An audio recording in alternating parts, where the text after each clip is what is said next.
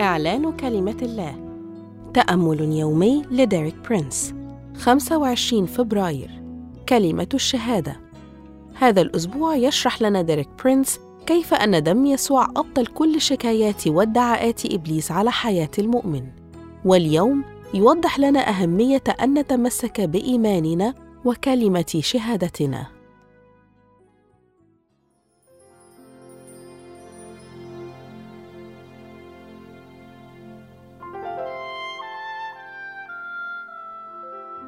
في المرة الأولى التي ننطق فيها بكلمة شهادتنا ربما يهزأ الشيطان بإيماننا.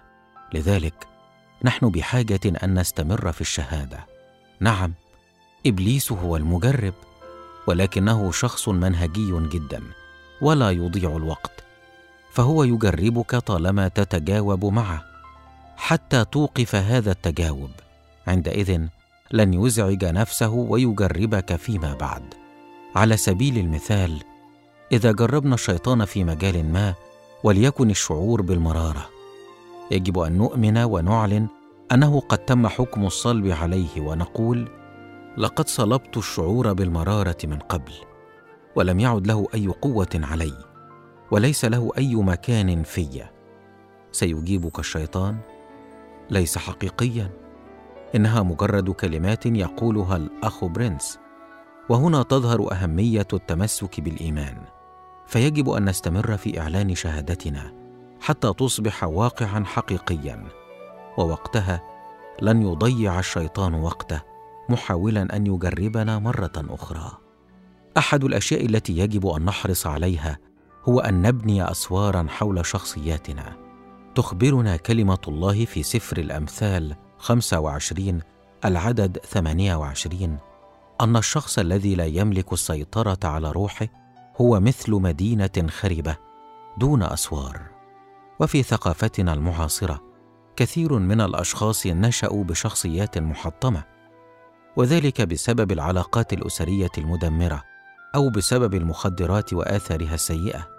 أي شخص منغمس في تعاطي المخدرات هو بالتأكيد مثل مدينة بلا أسوار حماية وتبنى هذه الأسوار عن طريق تقوية الإرادة وعن طريق الإدراك الجيد لحقوقنا التي وفرها لنا صليب يسوع المسيح والمطالبه بها. ربما تفكر في هذه العملية كتجربة مزعجة ولكنك لن تدرك مدى الخير الذي تقدمه لك. في نهاية الأمر ستكون قد حققت نجاحا عظيما في بناء شخصية قوية. فالشخصية عنصر هام جدا في حياة المؤمن. المواهب أمر زمني مرتبط بهذه الحياة فقط. أما الشخصية فتأثيرها أبدي سترافقك إلى الأبد وبالتأكيد يهتم الله بشخصيتك أكثر من اهتمامه بمواهبك.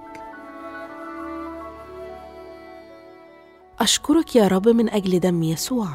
أعلن أنني أعتزم أن أقوي إرادتي وتصديق حقوقي المعطاة لي في الصليب معلنا إياها مرارا وتكرارا.